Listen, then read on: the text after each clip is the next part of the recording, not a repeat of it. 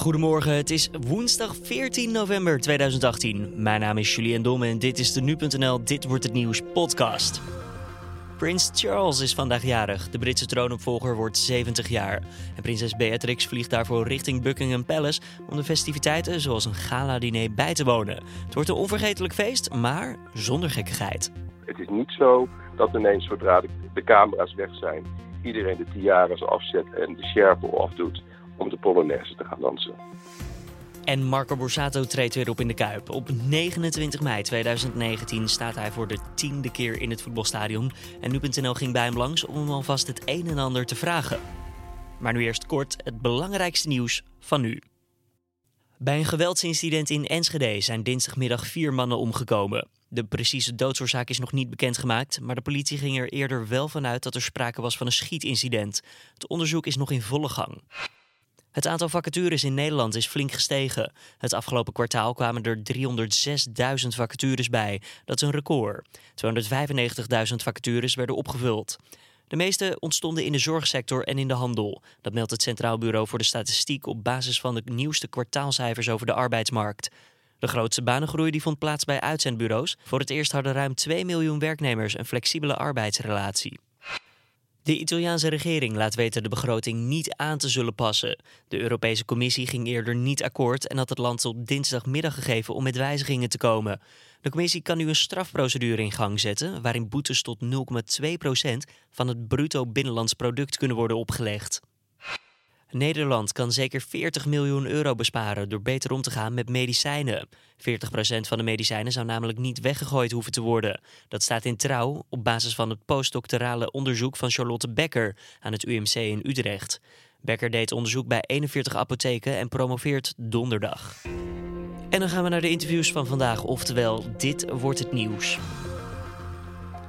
De Britse prins Charles wordt 70 jaar en dat wordt gevierd in Buckingham Palace. Prinses Beatrix zal zoals gezegd daarbij aanwezig zijn. En daarover aan de telefoon royalty-expert en hoofdredacteur van Royalty Magazine, Mark van der Linden. Want meneer van der Linden, krijgt Mark nou ook zo'n mooi cadeau op zijn verjaardag? Nou, hij zal diverse cadeaus krijgen. Uh, Prinses Beatrix zal zeker wat meenemen. Misschien is er een gezamenlijk cadeau uh, van alle gasten. Dat is ook wel redelijk gebruikelijk uh, bij zulke evenementen. Maar de mooiste cadeaus zullen waarschijnlijk komen voor de organisaties waar hij erevoorzitter is, die rond deze uh, bijzondere verjaardag, een kroonjaar, uh, meestal wel een extra actie doen om geld op te halen voor een doel wat uh, uh, prins Charles zeer na aan het hart uh, ligt. Dan gaan we eventjes naar prinses Beatrix, want zij is aanwezig. Ze is ook uitgenodigd voor een speciaal diner die dag. Um, -hmm. Prins Charles en Be prinses Beatrix die gaan al long way back, toch? Hoe is hun relatie enigszins? Afgelopen staatsbezoek aan het Verenigd Koninkrijk zijn Willem-Alexander ook dat de banden tussen de families zeer goed zijn en dat ze ook vaak informeel contact met elkaar hebben. Hij was geloof ik met Maxima in juni nog uh, in Engeland geweest om te dineren met de familie. Um, en Beatrix heeft ook een, goede, goed contact. Het vreemde is natuurlijk is dat ze precies tussen zijn moeder en Charles in zit. Hè. Zij is een tachtiger, hij wordt nu 70 en zijn moeder is een negentiger. Dus um, met beide is het leeftijdsverschil klein. Uh, maar ze heeft altijd een sterke band gehad met, met Charles. En hij was er bijvoorbeeld ook toen ze een groot feest gaf voor haar 60ste in Amsterdam en onder andere naar het Stedelijk Museum gingen. Moeten we ook zo zien van ja, onderling contact, is het dan even een appje bijvoorbeeld van hey, hoe gaat het mee of is dat wel iets anders dan dit? Nou, bij Beatrice is het zeker geen appje, want die uh, kan niet met mobiele telefoons omgaan. Ik kan me voorstellen dat Charles ook niet dol is op uh, appen. Charles is een ontzettende brievenschrijver. Uh, die schrijft tientallen brieven per dag te versturen. Dus ik denk dat als hij felicitaties stuurt, dat uh, dat gewoon in, een, in zijn handschrift, in een envelop met een postzegel, met daarop het gezicht van zijn moeder, naar Nederland wordt gestuurd. En omgekeerd is Beatrix ook een beetje zo van kaarten sturen, brieven sturen. Um, maar het is ook wel een contact, zeker op zo'n feest, waarbij um, heel veel mensen zijn uitgenodigd. En er dus niet heel veel kans is dat ze heel erg lang met elkaar zullen praten. Nee, want zo'n feest, dat is vaak tot in de puntjes geregeld, hè? Nou ja, dat is natuurlijk wel, als je op Buckingham Palace wordt uitgenodigd, dan willen ze zorgen dat mensen een onvergetelijke avond hebben. Dat is meestal zo omdat de meeste mensen maar één keer in hun leven uh, kunnen aanzitten bij een diner in Buckingham Palace. Dus dat moet echt onvergetelijk zijn. Nu komen er vooral koningen en koninginnen, uh, prinsen en prinsessen. Um, dus het zal voor die mensen niet geheel onwennig zijn. Maar het moet wel een verjaardag worden waarover nagepraat gaat worden. En ik verwacht dan ook dat William en Harry een soort grappige speech gaan geven. Het schijnt dat de Queen zelf ook met een toespraak komt. Of, de vader erbij, of zijn vader erbij is, is nog niet helemaal bekend. Maar het wordt in ieder geval een groots feest voor ook, vind ik, een groots man. Is het dan ook zo dat als de deuren dichtgaan en er worden geen foto's meer genomen, dat de feest of de sfeer in één keer totaal anders is? Dat het een beetje, ja, nog een slagje informeler wordt uh, onderling? Dat verschilt per hof. Um, de, de, de Noorse koning en koningin werden 80 en het hele diner werd uitgezonden uh, op, live op de uh, Noorse televisie. Inclusief het moment dat een van de kleinkinderen met de microfoon langs de tafels liep en ineens bij prinses Beatrix een microfoon onder haar neus duwde. En zei, u ziet er prachtig uit. En waarop Beatrix zei, nou, ik vind het heel lief dat je het zegt hoor, maar ik denk dat het, uh, dat ik, dat, dat het, uh, dat het niet waar is.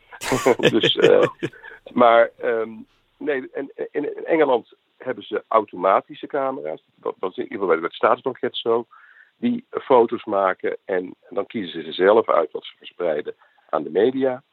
Um, maar um, het, kan, het is niet zo dat ineens zodra de, camera's weg zijn, iedereen de tiaras afzet en de sjerpen afdoet om de Polonaise te gaan dansen. Het blijft ook allemaal formeel. Dat ja. geldt sowieso voor alles in Engeland. En is het dan een moedje voor Prins Charles of geniet hij ook wel van dit soort evenementen? Enig idee? De, de grootsheid van het geheel uh, het een verplichting maakt. Van de andere kant is het natuurlijk wel zo dat als staatshoofden of hun opvolgers of een voormalig staatshoofd zoals prinses Beatrix allemaal naar, speciaal naar Engeland komen om jouw verjaardag te vieren, dan, ja, dan, dan, is dat, dan zegt dat ook wel iets uh, natuurlijk. Dat, dat, dat, dat, dat is een eerbetoon aan een man die zeer plichtsgetrouw en geduldig uh, het record heeft gebroken van de langswachtende kroonprins. Ja, wat zit het er ooit nog aan te komen, denkt u? Hij is inmiddels 70 en ja, zijn moeder 90. Maar goed, de zoon van uh, Prins Charles, ja, die is eigenlijk ook op een geschikte leeftijd om koning te worden, toch? Ja, maar de wet is zo dat Charles op de seconde na dat zijn moeder haar laatste adem heeft uitgeblazen, automatisch koning wordt. Uh, dus als koningin Elizabeth, net als haar moeder, 101 wordt, dan heeft ze nog negen jaar te gaan. Dan is Charles 79 jaar. Ik gun het er van harte, vooral in, het, in, in, in de gezondheid waarin ze nu is, um, zal blijven. Als, dan is hij 79 jaar en dan is hij hoe dan ook koning geworden. De vraag is dan wel of hij besluit om zich te laten kronen. Want meestal gaat daar nog een jaar overheen. En ik zou me kunnen voorstellen dat Charles zegt: het land heeft er meer aan uh, om een koning te krijgen die, um, die jong is.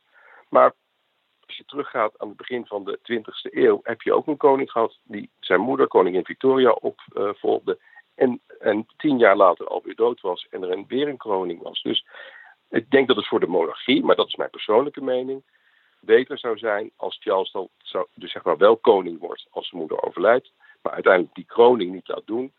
Uh, onder het motto van we moeten niet voor altijd een bejaard staatshoofd hebben voor dit land. Want Charles is dan al uh, eind 70, hè, in, als het over negen jaar gebeurt. Ja. Als hij dan vervolgens ook weer 100 wordt, want wie zegt dat hij dat niet gaat worden? Want hij heeft een leven waar, ja, waarin je bijna niet slijt, alles wordt voor je gedaan. Dan is het ook weer zo dat William ook weer 30 jaar ouder is en ook al de 60 gepasseerd is voordat hij op de troon komt. Dus dan heb je generaties lang uh, nou ja, mensen op leeftijd die het land vertegenwoordigen. En we hebben allemaal gezien wat het voor Nederland betekende dat we ineens Willem-Alexander en Maxima hadden. Veertigers die uh, bruisten van de energie. De, daar, daar, zitten de Engelsen toch ook op te wachten? Gewoon een jonge koning. Maar wij moeten niet de fout maken dat wij onze cultuur uh, de Engelsen opleggen. De Engelsen hebben er volledig vrede mee dat Elizabeth tot haar einde koningin uh, zal zijn. En misschien zullen ze als Charles heel oud is, de andere optie ook begrijpen. Maar het, moet, het initiatief moet van Charles komen. Royalty-expert en hoofdredacteur van Royalty Magazine, Mark van der Linden was dat. Marco Borsato die staat volgend jaar weer in de Kuip voor de tiende keer. Eerder vulde de Nederlandse artiest het stadion al met concerten in 2002 en in 2004. Nu.nl ging langs bij Borsato en vroeg naar zijn nieuwe avontuur. De Kuip heeft een prachtige historie, eh, zowel in de voetbal, maar zeker ook in de muziek. Dat zijn we de laatste jaren een beetje vergeten, want uh, uh, er is niet meer zoveel geweest de afgelopen jaren. Doelman was de laatste in 2008. Ik heb hier in 2004 en in 2002 mogen spelen. Negen keer heb ik in het stadion mogen vullen. Alleen er was één eh, clubje die heeft dat tien keer gedaan. Dat waren de Rolling Stones. En ik heb een belofte gemaakt dat ik terug zou komen. 29 mei ben ik terug in dit stadion. Aanstaande vrijdag beginnen de kaartverkoop. En ik kan niet wachten. Dit is een, een stadion met historie, met passie, met een ziel. En uh, ik ben tot mijn kruin toegeladen om er iets moois van te maken. Dus Little Kleine komt, André Hazes junior komt, Direct komt. Nou, dan weet je één ding zeker, dan uh, staat het hier wel te trillen. En dat is ook precies de bedoeling. Dat hele stadion moet meeresoneren, moet uh, meebeven, meegenieten. En er zijn momenten van passie en er zullen momenten van verstilling zijn. Dat kan niet anders. Uh, en er zijn nog een paar verrassingen die ik ook nog onder de pet wil houden om niet alles meteen te verklappen. Maar we komen hier terug en 29 mei is het feest hier. Dan nog even het weer voor deze woensdag 14 november. Vandaag wordt lekker zonnig met hier en daar wel wat wolkjes. Vooral in het zuiden van het land kan het aardig bewolkt worden. Regen wordt gelukkig niet verwacht en de temperatuur die blijft ongeveer gelijk met gisteren, zo rond de 11 tot 13 graden. Dat gaat gepaard met een matige zuidenwind. En mocht je nog een tof cadeau zoeken voor de feestdagen, dan heb je geluk. Juweliersketen Harry Winston heeft net namelijk een nieuwe diamant in de collectie, de Pink Legacy. De keten moest wel eventjes flink pinnen voor de diamant. Deze werd namelijk overgenomen voor 44 miljoen euro. En voor de volgende koper zal er nog wel een stukje bij komen, want er moet natuurlijk ook wel winst gemaakt worden.